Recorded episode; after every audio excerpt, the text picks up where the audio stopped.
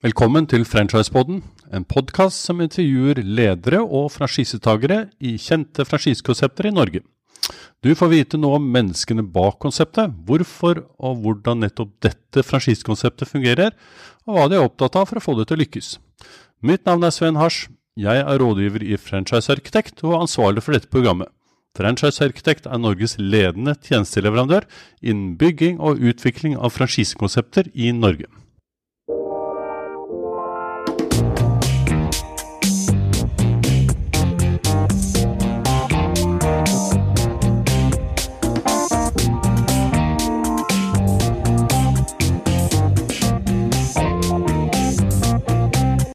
Denne episoden av Franchiseboden har vi Tormod Lier som gjest.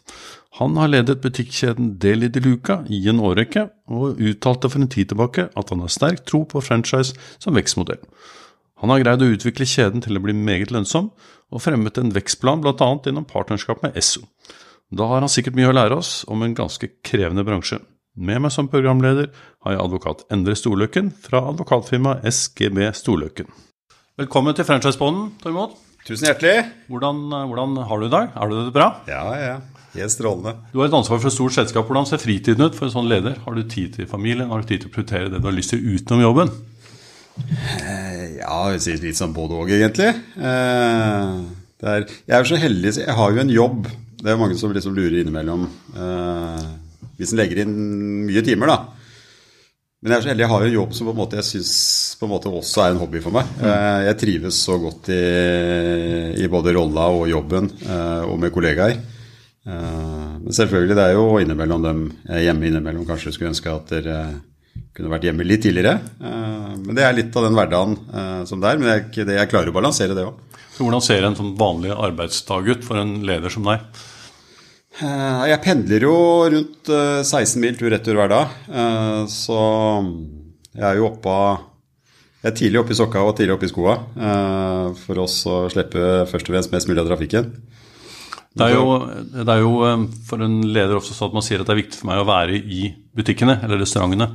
Hvor mange får du tid til å besøke i løpet av en uke? I løpet av en måned? Jeg besøker mange butikker. Eh, ofte kanskje mange av dem samme, for jeg kjører jo forbi tre deljer eh, hver eneste morgen. Jeg kjører forbi Spydberg, jeg kjører forbi Ski, eh, og jeg kjører forbi Ryenkrysset. Eh, og når du er oppe om tidlig om morgenen, så er det ikke alltid at du rekker å ta den frokosten hjemme. Eh, så det er ofte eh, at de stopper enten på Spydberg, Ski eller Ryen. Så si i snitt at dere besøker sju til ti, ti til tolv butikker da, hver eneste uke. Du verden. Ja, det er bra. Ja. Det tror jeg ikke er mange som uh, greier å, å, vise til. Man har så mange administrative oppgaver at man føler at man blir druknet på kontoret. ikke sant? Mm. Så ja, men det er jo alt handler om prioritering. vet du. Det er, eh, det er de 8-10-12-14-16 timer du er på jobb. liksom Hva prioritere innenfor der, da. Så det der med å Det å besøke kjøpmennene rundt, eh, for det første gir energi. Og så betyr det kanskje mer enn hva veldig mange tror, da, med at han bryr seg litt når han er på den besøka. Du har jo vært en, gjennom en ganske lang prosess i Delhi, men hvor kom du fra før du kommer dit? For det er jo å være en, en ansvar i en sånn kjede, det krever ganske mye. Så da regner jeg med at du har en ballast fra andre uh, yrker? Ja, jeg har jo stort sett jobba med convenience uh, i alle år. Uh, jeg starta som selger i Leaf Algrens i rundt 92. men da jeg var rundt halvannet år, så var jeg så heldig og fikk muligheten i Narvesen. Uh, vi hadde forskjellige roller da fra 94 til 2002, ish vel. Åtte år. Uh, og så hadde jeg en uh, rundt halvannet år hvor jeg var i Vinmonopolet. Var heldig å være med på en reise hvor vi bygga om til selvbetjente butikker. Akkurat. Og så var jeg tilbake til Convenience i 04-05. Da var jeg så heldig og fikk muligheten til å bli med i Norgesgruppen. Da var det med en konkurrent ut ifra det vi jobber med nå. Da var det et mat- og drikkekonsept som het Fresh, som vi etablerte på alle Shell-stasjonene. Ja, nettopp. Mm. Ja, Kan du si litt om Delis historie og opprinnelsen eh, til det? Eh, ja, det var jo før min tid, da, sånn sett før jeg starta i, i Norgesgruppen. Men det starta jo i 2003. Første butikken som ble starta, var på Torvald Meyers gate. Og da jobba jo jeg for konkurrenten når på en måte den var i etableringa. Den var jo også i Reitan, de, i hvert fall to av gründerne, både Adriane og Thor. Og de satte jo en ny standard den gangen den åpna i 2003. eh, liksom det convenience-formatet som vi var kjent med. Da, da var det kanskje enda tidligere, tydeligere skiller. Da var liksom kiosk var litt mer Narvesen og Mix. Og så var det liksom convenience som var litt trend og kult i det, var Seven. 7-Eleven. Eh, og så kom Delhi eh, og åpna Delhi de Luca. Og nei, da følte vi at vi var litt misunnelige. De, de satte en ny standard med Delhi Luca. Det er riktig, det. Eh, koronatiden eh, er vi oppe i nå. Hvordan eh, håndterer dere og hvordan takler dere det? Eh, nei, det har jo vært en spesiell tid. Eh, det starta jo midten av mars. Hvor vi da egentlig var på vei til å arrangere et kickoff for 300-400 mennesker. Mm. og det var såpass den uka som var før vi hadde tenkt å, å gjennomføre kickoffet, så vurderte vi faktisk at vi skulle gjennomføre. Mandagen da den samme uka, så var, liksom, da, var det så, da skjedde det så mye, så da var det plutselig ikke aktuelt eller tema for oss å gjennomføre pga. risiko. Så da kutta vi kickoffen, og så blei det jo Eh, mye jobbing, eh, spesielt fra driftsperspektiv, for det var jo veldig mange kjøpmenn som ble berørt. Spesielt i det vi kaller Delhi by. Eh, vi så sånn som Oslo S, Haukeland sykehus, Flesland. Det ble jo tilnærma stengt. Og er fortsatt veldig lav omsetning i forhold til, til historien. Men så kom vi oss liksom litt over den kneika. Eh, så de første to-tre ukene, sånn i slutten av mars, begynnelsen av april, eh, det var tøft for mange. Det, krevde mye, for det var helt annerledes type måte å jobbe på. Eh, vi ble jo sendt hjemmekontor alle sammen. Hvis du er glad i å jobbe med mennesker, så er det jo litt trått også å rusle ned på det kontoret på morgenskvisten og ta to knekkebrød med makrell i tomat og så sitte der aleine. Eh, men vi fikk til bra dynamikk allikevel. Eh, vi hadde faste møter hver morgen hver ettermiddag hvor vi gjorde statuser med ledergruppa. Eh, og så fordelte vi arbeidsoppgaver. Så, men da vi liksom kom over den første kneika da, etter tre-fire uker, så følte vi at det begynte å ikke Det normaliserte seg ikke, men driften vår begynte å normalisere seg litt mer. Vi hadde kontroll, vi hadde kontroll på likviditeten til alle kjøpmennene. Uh, som på en måte stressa oss aller mest. Uh, men vet du hva, dere? Bank i bordet. Ingen kjøpmenn hos oss i den vanskelige perioden uh, har hatt negativ likviditet. Så det er vi stolt av. Det er, det er hyggelig å høre. Si litt om dette med franchise kontra egeneid og erfaringer rundt, og, og hva er grunnen til at dere bruker franchise i dag? Eh, vi har jo god erfaring med begge driftsmodeller. Eh, I Delhi by, eh, som jeg starta i 2013, sommeren 2013, så var jo det en ren franchise-kjede. Så tok vi over Tiger 1.12.2015. Det var en ren selskapseid kjede hvor alle 2000 medarbeidere var ansatt hos oss. Og det jobber, det jobber og jobba utrolig mange dyktige butikksjefer i Tiger som hadde et høyt eierskap erfaringa vår gjennom Delhi by og franchisemodellen, eh, den var at eierskapet, at det liksom var ditt, gjorde at det, eh, ja, både det økonomiske eh, og den driftsmessige gjennomføringa blei enda sterkere. Så sier jeg ikke at det er svaret på alt i forhold til det med å lykkes, men fra vår erfaring så har vi hatt utrolig god kunnskap, kompetanse, erfaring med franchisedrift. Det er ikke dermed sagt at vi ikke har hatt god erfaring med selskapseid, eh, men hakket hvassere når kjøpmennene har eget eierskap til driften. Så det du sier er at det egentlig er noen bedre lønnsomhet, er bedre topplinje? Eh, er det der det ligger, eller er det bunnlinja som blir eh, primært forskjellig? Nå ønsker jeg ikke å ta alle over en kam sånn når det gjelder selskapseid, for det jobber utrolig mange dyktige som driver med selskapseid. Men vår erfaring i forhold til det du spør om, det er at svinnet går ned. Eh, topplinja øker, og de variable driftskostnadene er det mer kontroll på. Og Da snakker jeg om totalen.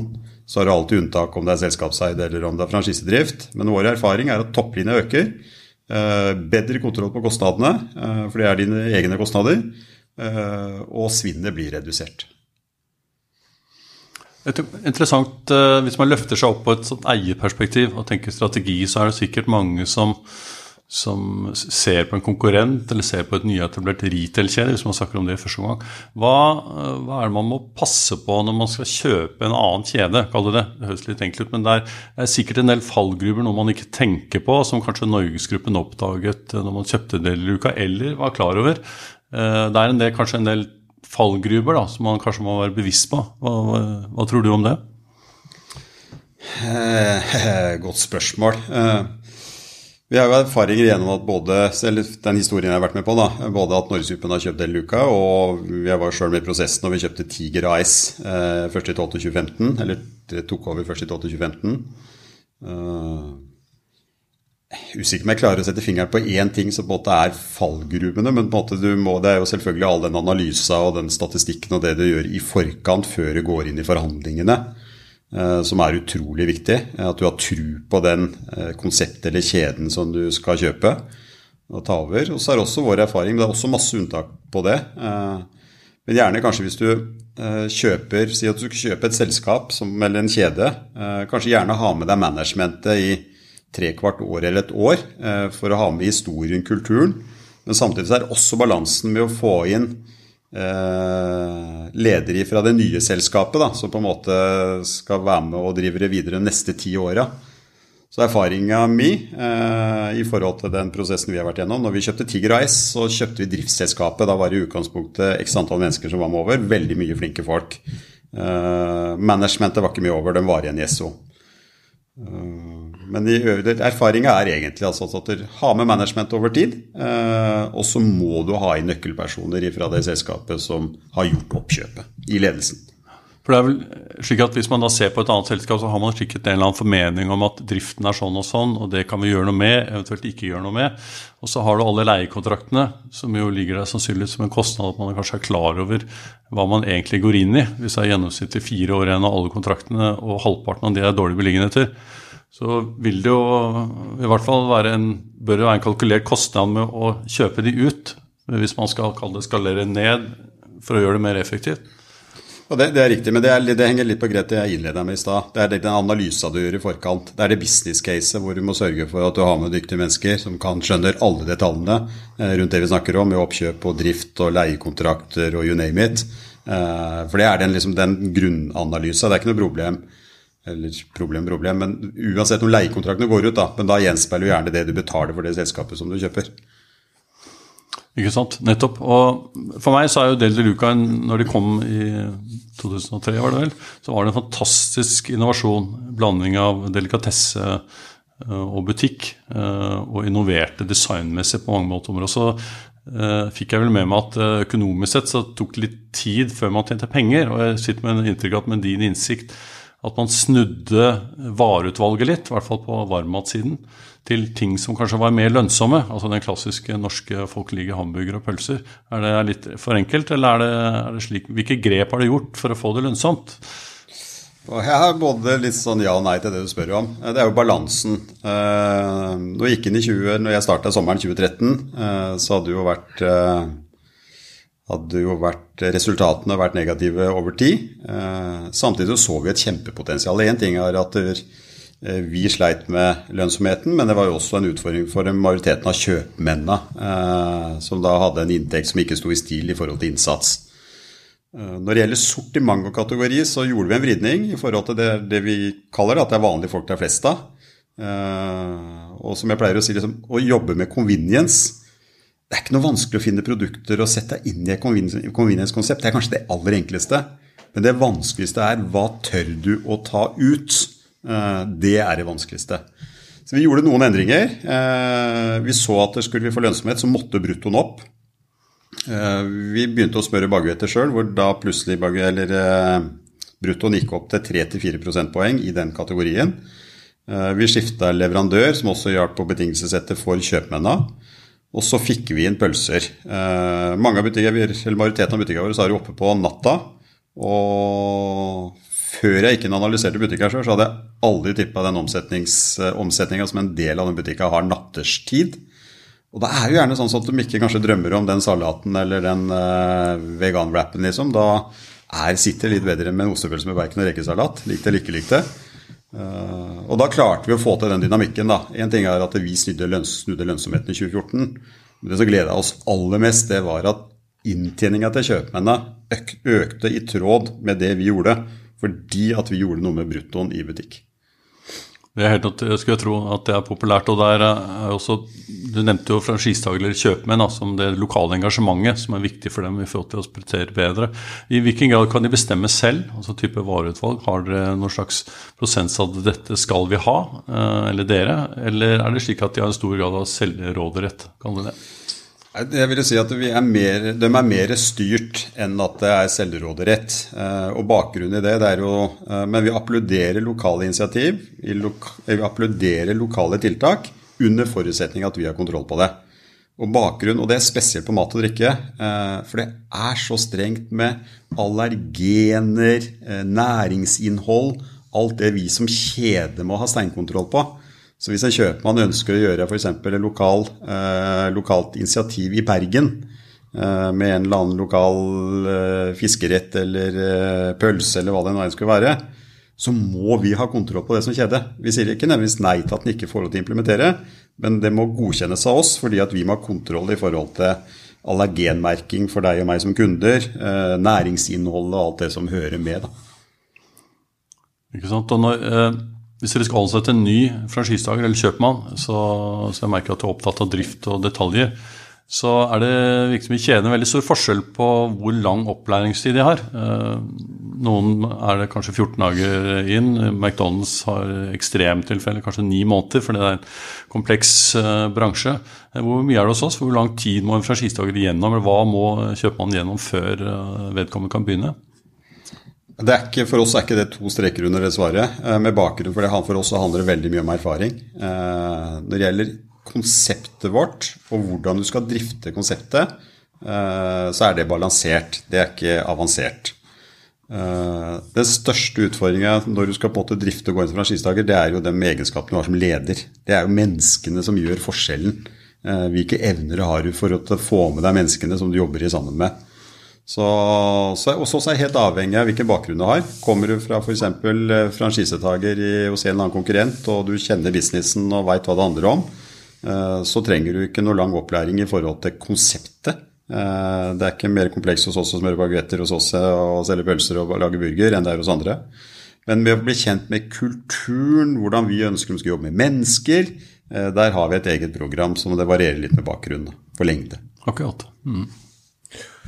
Um, når det gjelder franchisetakere med flere enheter, altså clusterdrift um, Det er interessant å høre om, uh, om det er vanlig, og i så fall uh, i hvilken grad det er særkrav uh, for å kunne få lov til å drifte flere enheter. Sånn overordnet vil jeg si at vi brenner for singeldrift.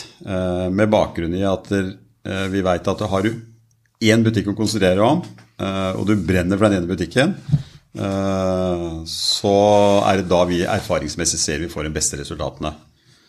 Som jeg sa i stad, Det er alltid noen unntak. Eh, hos oss kan det handle om geografi. Hvis vi ser at f.eks. i Trøndelagsområdet, hvor vi har kanskje to uh, for stasjoner hvor vi har butikker på, kanskje den ene er Delhi, kanskje den ene er en Tiger Esso-stasjon, og Vi ser kanskje at en Tiger SO-stasjon ikke har, er bærekraftig å stå på egen hånd for en kjøpmann når vi sier at vi har valgt franchise som driftsmodell. Da er det mer bærekraftig både for oss og kjøpmann at det er to butikker. Eh, så har vi også noen unntak. hvis Vi har, vi har mange dyktige kjøpmenn rundt som har en ambisjon, kanskje de har vært med oss over tid, og sier at vi ønsker enda større utfordringer som er mulighet til å drifte flere. Eh, og det legger vi til rette for hvis vi mener at det er korrekt. Har dere da en særavtale med de, eller er det eh, den jeg, samme franchiseavtalen som uh, gjelder? Ja, Overordna samme franchiseavtale som gjelder, men økonomiske betingelser blir diskutert med franchisetaker. Mm -hmm. hvor lange avtaler har dere da? i vanlig, Det er standarder, går jeg ut fra? Ja. Fem års avtaler er det vi har. Fem år. Ja. Og hva skjer ved opphør da? Er det eh, mulighet for å få de forlenget, fornyet? Løper de ut? De løper ut etter fem år, eh, så da står egentlig vi fritt eh, til å se om vi ønsker en endring. Nå har riktignok, så lenge jeg har jobba her, i hvert fall ikke det skjedd. Men det kan jo også være at kjøpmannen ønsker eventuelt å tre ut, og har anledning til det etter fem år. Ja. Litt om rekruttering. Eh, hvordan rekrutterer dere franchisetakere? Ja, Det er forskjellige kanaler. Eh, vi er i gang nå å lage et talentprogram, eller et trainee-talentprogram for folk som ønsker å bli franchisetakere i Deliluca eller Tiger. Eh, og så bruker vi jo Vi klarer vi å få tak, få tak, i interne rekrutteringer, så kjenner vi at energien er der. Liksom, da har vi klart å få gode mennesker i organisasjonen som ønsker å bli kjøpmenn. Da kjenner vi at vi blir stolte. Eh, men eh, det er ikke alltid vi får til det. Eh, og da jo, går vi eksternt om det er hjelp fra rekrutteringsselskaper og generell annonsering. Og fordelingen med intern rekruttering og ekstern, det er vanskelig å si noe om, kanskje? Kan, ikke, akkurat i den perioden jeg har vært i nå, når vi har lagt over ekstremt mange butikker For jeg har jo da lagt over alle Tiger-butikkene, vi har 120 totalt. Uh, vi har lagt over nå uh, eh, 101 av 120. Der har vel ca. rundt regna rundt 65% pluss minus vært intern rekruttering. veldig mye flinke butikksjefer som har jobba ute, og veldig glad for mange av dem har ønska å bli kjøpmenn. Og så er det jo noen som vi har ønska skulle vært med videre, men som ikke har ønska å bli franchisetaker. Uh, og så kan det også ha vært motsatt noen tilfeller hvor noen kanskje har ønska å bli franchisetaker, hvor vi uh, kanskje har ønska å sondere uh, terrenget for å se konkurransen inn, og da gått og rekruttert eksternt. Dette med rekruttering og investeringsbehov for å starte opp, si litt om det. Er, det. er det vanskelig for dere å finne mennesker med nok kapital? Eh, noen er jo eh, de rette menneskene businessmessig, kanskje, men så mangler de penger. Ja. Eh, jeg vil si litt både ja og nei. Litt avhengig av alder. Det er jo ofte Vi godtar jo en sikkerhet i forhold til Da går vi inn og hjelper til i forhold til investering. Bare vi har en sikkerhet for investeringa hvis det i verste fall skulle gå galt. Er det yngre mennesker som da kanskje eventuelt sliter med å ha sikkerhet, eventuelt hvis de ikke har bolig eller annet selv, Eh, da går vi inn og hjelper til. Eh, så vi har flere hos oss vi nå som ikke har klart å stille sikkerhet. Eh, det gir jo oss en viss risiko, for da har ikke vi den sikkerheten i forhold til den investeringene vi gjør i bakgrunnen. Men hvis vi har tro på han eller henne, så går vi inn og så hjelper vi, og så har de en nedbetalingsplan så at de på en måte som går over tre år eller fem år, i forhold til å komme i mål på den sikkerheten. Ja, det er jo naturlig at du kanskje bare fyller ut litt på hva de egentlig skal investere i. Altså, Er det varelager, er det bedriftstilbehør, leiekontrakten? Hvor er det, det risikoen ligger for taker her? Ja, hovedsak to hovedområder. Det ene er varebeholdning. De må gå inn og kjøpe varebeholdninga. Eh, og det andre er at de stiller også en bankgaranti eh, som er på ca. 500 000. Eh, så Det er de to hovedinvesteringene. Det gjelder investering i inventar, konseptbutikk. Så er det vi som kjede som står for all investering, grunninvestering. Det er også vi som kjede som sitter på alle leiekontraktene. Eh, og du kan alltid finne unntak, men det er det som er hovedregelen og ambisjon. Eh, og det mener vi er riktig, for skal vi ha kontroll på kjeden, skal vi ha kontroll på butikka, og ikke risikere at det beste hjørnet i Karl Johan eller eh, på beliggenhet A, B eller C forsvinner til en konkurrent. Eh, så ønsker vi å ha kontroll på den beliggenheten og sikre å ha leieavtaler sjøl. Det er jo forskjellige modeller av hvordan du betaler franchiseavgift og markedsbidrag. Hvordan gjør dere hos dere? Er det en prosent av omsetningen? Ikke prosent av omsetning, det er en splitt av teoretisk brutto som vi avregner da franchiseinntektene på. Så Da er det en avregning månedlig, da, om man går gjennom også. Av, avregning månedlig. Akkurat, og Da strekker man seg etter den teoretiske bruttoen. Ja. Nettopp. Strekker seg til teoretiske bruttoen. Uh, har du da kontroll på den teoretiske gjennom varemiksen? Det er vår oppgave som kjede for å sørge for at grunnlaget på den teoretiske bruttoen er best i markedet. Det er ambisjonen vår.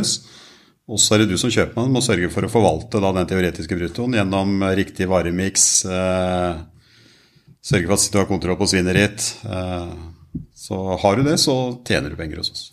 Ikke sant? Og markedsbidraget, det, hvordan disponeres det? Eh, det er, det er litt forskjellig. Noen eh, sier bare det gjøres lokalt, andre forvalter det sentralt. Hvilken grad har, Hvis du har da 80 franchisedager og alle har en eller annen formening om hvordan du skal drive sentral markedsføring, hvordan håndterer du den konsensus? Tankesett? Ja, nei, Det er jo litt sånn klassisk, kan være en klassisk utfordring, det. da, Men vi har, eh, vi har markedsråd eh, som møtes minimum fire ganger i året. Eh, hvor vi da legger fram våre planer, alt fra kampanjer, aktiviteter, sortiment, produkt etc. Og deriblant også marketing. Hva gjør vi på marketing for å sørge for at de eh, Vi har én hovedutfordring, ikke bare vi, men hele Convenience-kanalen.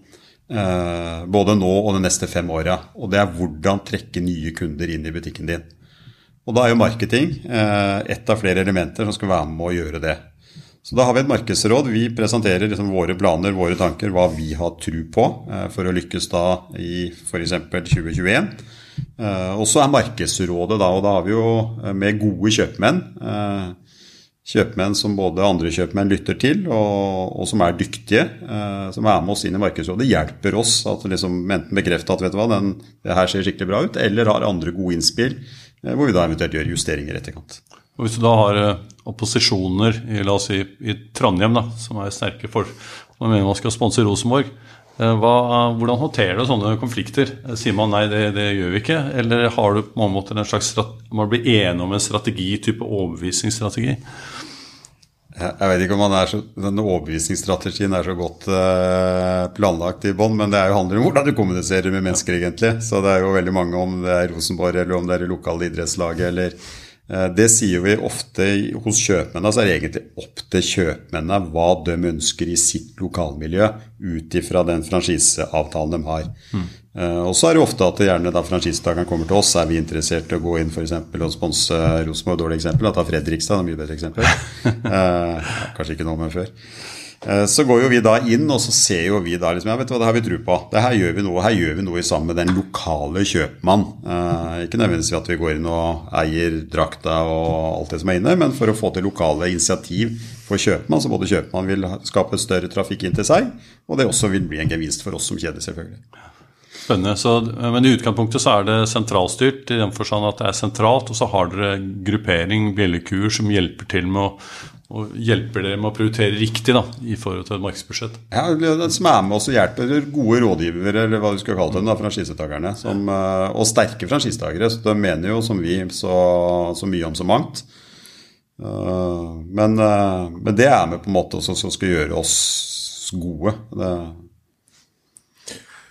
en franchisetaker er jo selvstendig næringsdrivende og har egne ansatte og skal lede sin eh, flokk. Eh, hva gjør dere i den forbindelse i forhold til lederutvikling eh, på det nivået? Nå har vi jo vært gjennom en spennende prosess nå i form av at vi har lagt over til franchisemodell på Tiger. Vi hadde jo 30 butikker i Delhi fra før. 2019 og 2020 eh, har blitt brukt i forhold til endring av driftsmodell.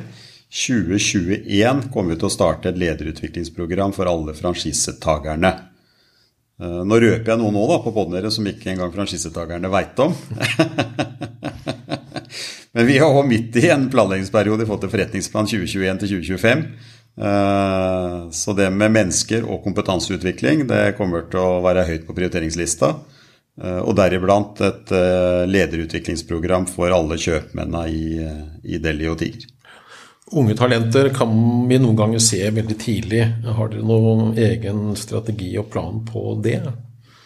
Akkurat det samme der, egentlig, som jeg innleda med i stad. Så nå røper vi del to i forretningsplan. Eh, eget talent- og trainee-program for dem som framtidige som ønsker å bli franchisetagere. Må nødvendigvis ikke være unge talenter, eh, men kanskje gjerne. Men også gjerne folk som er godt etablert. Og vi har mange dyktige mennesker for oss, hos oss som er både ja, Kanskje kommet over kneika det blir kalt unge og lovende, da. Eh, men som kanskje har en ambisjon om å bli franchisetaker. Og da er det vårt ansvar å sørge for at vi har et, eh, en plan eller et treningsprogram eller et trainee-program for framtidige franchisetakere.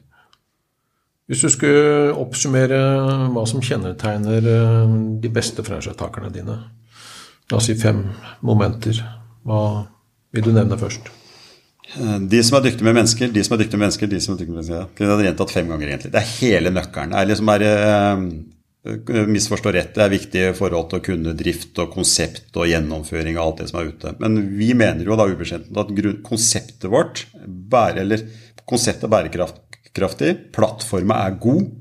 Det hjelper ingenting hvis du ikke er god med menneskene. Er, du klarer ikke å drive en drift. Du driver jo en liten bedrift. Uh, aller fleste har kanskje fra 10 til 15 medarbeidere. Noen har kanskje opptil 20 og 30. Uh, eh, inkludert drivstoffomsetning så er det over en middels stor norsk bedrift, på hvert fall dem langs vei. Så det med å ha evnen til å være, liksom, skjønne det med å ansette de rette hodene det, det, høres veldig enkelt ut når jeg sier det. Det er ikke så enkelt, ut, enkelt når du er franchisetaker og du skal rekruttere nattevakter. og Vi har jo 24-7 365. Uh, og det, vi har eh, Majoriteten av menneskene som jobber hos oss, er mellom 16 og 29 år. Vi har mellom 50 til 60 turnover, for det er masse studenter. Og det er krevende. Men å rangere noe sånn topp fem ikke nærmest så enkelt, men veldig enkelt å rangere topp én. Det er de, de dyktigste hos oss, de som virkelig lykkes, det er de som er helt rå med folka sine. Hvis man tenker seg eierstrukturen, og dere er eid av Norgesgruppen. Eh, hvordan er det, du har vært der i mange år, eh, hvordan er det, er det noen føringer fra moderselskapet? Altså i enkelte eh, type eiere da, som har flere kjeder, der er det en formening om at det skal toppstyres på visse ting. Og så skal kjedene følge. Og så er det andre som sier at kjedene får bestemme selv. Eh, det er, eh, det er, opp til dem og hva de driver med, så lenge de leverer på bunnlinjen. Hvordan er det hos dere? Eh, hos oss er Vi har jo noen rammer, rammevilkår og retningslinjer å forholde oss til, vi som alle andre i eh, eller som de aller fleste tipper jeg, som er, driver innenfor kjededrift. Vil Si at vi har et regnskapsselskap internt på Brumunddal som vi skal bruke. Uh, vi har noen systemer eh, som er sentralt styrt, om det er fakturabehandling eller noe som skal brukes. Men det er mer den infrastrukturen i bånn, liksom. Hvis du ser bort ifra den, som jeg tenker er en stor styrke, så er vi så heldige, vi som jobber med det vi gjør her hos oss. Uh, jeg kan snakke for meg sjøl, ikke for alle andre som jobber i NG. Uh, men jeg føler vi er så heldige. Så vi driver nesten sånn som jeg, jeg føler at jeg driver nesten som jeg selvstendig næringsdrivende. Uh, den friheten, den er stor. Eh, men selvfølgelig, hvis jeg feiler mer enn jeg treffer, så regner jeg med at dere, enten om at jeg ikke hadde blitt her så lenge, eller hadde fått andre oppgaver. Men det der med å ha muligheten til også både at det er rom for å feile, eh, frihet til å drive med det vi driver med hver dag. Eh, og så har vi jo fått det til over tid, da. Så håper jeg kanskje at det er med å gjøre at vi får lov til å holde på litt sånn som vi holder på. Miljø og samfunnsansvar er jo stikkord i dagens Norge. Eh, hva vil du kommentere til det i forhold til franchisen og, og, og, hele konseptet dere driver? Hvis vi skulle plukke ut fra et kundeperspektiv, tenke de neste fem åra De som ikke tar miljø og bærekraft på alvor, eh, de kommer ikke til å vinne kunden. Jeg sa i stad Den største hovedutfordringen innenfor convenience er kunde, positiv kundeutvikling. Eh, hvis du ikke tar bærekraft og miljø på alvor, så kommer du til å slite med den kunden du skal ha inn framover. Uh, og da, må, da, er det vårt ansvar for å sørge for å gjøre deg eller andre trygge på den uh, kjøleveska vi bruker for å kjøle diska våre. Vet du hva, det er det mest miljøvennlige du kan få. Uh, emballasjen vår den er resirkulerbar. minimum med bruk av plast og alt det som hører med. Så, og Norgesgruppen ønsker jo på en måte å være Kanskje lokomotiv er feil ord, men i hvert fall et, et foregangsselskap da, som virkelig tar eh, bærekraft og miljø på alvor. Eh, til ASKO nå, liksom. Har, eh, det er vindmøller. Eh, ambisjonen er om å ha nullutslipp på alle lastebiler. Så i Norgesgruppen gjøres det utrolig mye bra innenfor bærekraft og miljø. Uh, og det er også vårt ansvar som driver kjeden. Uh, jeg tenker jo først og fremst uh, også kommersielt. Én ting er det ansvaret vi har for å ta vare på planeten. Eh, men også kommersielt i forhold til at skal du vinne kundene framover, og ikke tar det på alvor, så du, da, da, taper du. Litt om eh, lederteamet. Du er tidlig i sokka og går kanskje med ryggen ut av døra fra kontoret i ettermiddagen. Men hva med teamet rundt deg? Kan du si litt om det? Sammensetningen og eventuelt kompetansesammensetning? Jeg er så, vi er, jeg er så heldig. I, vi er en organisasjon med ca. 25 mennesker. Og de som jobber tettest på meg, da, det er en ledergruppe med seks stykker, inkludert meg. Og én ting er, som jeg pleier å si, skal du lykkes å få til det du driver med, så må du ha kompetanse på tvers. Og det tenker jeg det er utrolig viktig for å lykkes. Men hvis du da har med deg ikke den sosiale profilen eller trivselen til de menneskene som er med samtidig i den gruppa, så er min erfaring altså da kan du glemme det. Da lykkes du ikke. Det kan holde med én. Eh, hvis resten av gruppa, som vår gruppe, da, jeg er så stolt av den fem som jeg jobber sammen med hver eneste dag eh, det holder med én av dem som ikke liker å spise sammen med oss andre i kantina, som helst vil gå inn på kontoret. Kan være aldri så kan være god som eh, noen annen. Eh, kjempedyktig. Eh, hvis hun da liker å ta med seg maten, gå inn på kontoret, lukke døra, aldri spise sammen med resten, hver gang hvis du skal gjøre noe sosialt, aldri er med, så får du ikke den dynamikken i gruppa. Så én ting er den faglige kompetansen. Der er jeg så heldig så at jeg har bøtter og spann. Og det er enklere å si når du er blitt litt eldre. Du må ha med deg folk som er råere enn deg sjøl eh, på mange av de områdene. Og det er jeg så heldig å ha. Og jeg er så heldig å ha ifra Nå er jeg blitt eldst i den gruppa, da, nå passer 50. Uh, men jeg har fra 3-34 år og opp til meg som er eldst. Der er på dynamikken i alder. Og jeg kjenner jeg får energi ikke sant, av de 3-4-35-åringene som da har masse gode ideer, er offensive. Men samtidig da, så har den sosiale profilen da, som så ikke, Det er forskjellige sosiale profiler som kan lykkes i et selskap. Men for oss da, som på en måte vi ønsker å være framoverlente, vi er ekstroverte, eh, vi skal være litt kvikkaser, eh, vi skal være råere enn konkurrenter, det skal vi tørre å si. Eh, og vi ønsker ikke å ha noen som, som, ikke liker å dra ut i butikk og snakke med kjøpmenn, eh, setter seg inn på kontoret og lukker døra og spiser lunsjen. Så det å ha med seg den Eh, den faglige kompetansen, men det må sitte også den sosiale biten da, i samme gruppa. Hvis du skulle oppsummere tre av dine viktigste oppgaver som daglig leder, hva vil du si da? Jeg starter egentlig der jeg starta med det spørsmålet. Det er, jeg, jeg kjenner sjøl jeg får energi hvis jeg klarer å gi energi til dem rundt meg. Når de kommer til å si 'Dormod, vet du hva, fy fader, så artig og kult det her har vært'. Vet du hva, der, det var tøft å implementere den der fire butikka i uka, eller den eh, det vi har vært gjennom nå for endelig franchisemodell. Men vet dere hva, fy fader, så energi det har gitt. Da, da kjenner jeg at jeg både blir litt stolt, eh, og så får jeg energi av det sjøl. Det er punkt én. Og så må du ha kontroll eh, på businessen. Min påstand er at hvis du er leder, uansett nivå, hvis du distanserer deg fra businessen og tenker at du er litt Kall det en sånn generaldirektør, som vi kaller det, da tenker jeg da taper du. Hvis du ikke skjønner, har touchen på hva som skal skje ute i butikk, både drift og marked eh, Du kan sikkert få det til uten å ha det, men fra mitt perspektiv så er eh, Skal du virkelig lykkes, så må du skjønne den businessen som er ute for kjøpmennene. Hvis du ikke gjør det, så, så er det i hvert fall vanskeligere å få gjennomslag ute liten forskjell på en god idrettstrener og, og deg, kanskje? Så ja eh, Det kan tenkes. Det kan tenkes. Det er veldig interessant å høre at, uh, hvordan du snakker om lederskap. og Det er mange som bør lytte til deg, tror jeg. Så tusen takk Tormod, for at du kom til Franchiseboden. Tusen takk for at jeg kom. Som dere hørte, er Tormod Lie meget opptatt av positivt og tydelig lederskap. Dette kobler han sammen med det å knytte til seg mennesker som er mer kompetente enn seg selv på sine områder, og ikke minst har riktig holdning til selskapet og den gruppen medarbeidere de jobber sammen med. Dermed bygger han bevisst en god stammekultur. I tillegg så bekrefter han at retail is detail, dvs. Si de bruker mye tid på produkter og lønnsomhet, hvilke varer de skal ha, og hvilke varer som skal bort. Her, sammen med lederskapet til hver enkelt franchisetaker, ligger nøkkelen til suksess. Han mener også at en franchisetaker er hakket hvassere til å prestere på lønnsomhet og kostnader enn i egneide enheter. Jeg håper du syns dette var interessant, og at det ga ny innsikt. Mitt navn er Sven Hars. Jeg er rådgiver i Franchisearkitekt og intervjuer franchisegivere og takere rundt om i Norge. Franchiseboden finner du via franchisearkitekt.no eller direkte på Spotify, Apple eller Google Podkast.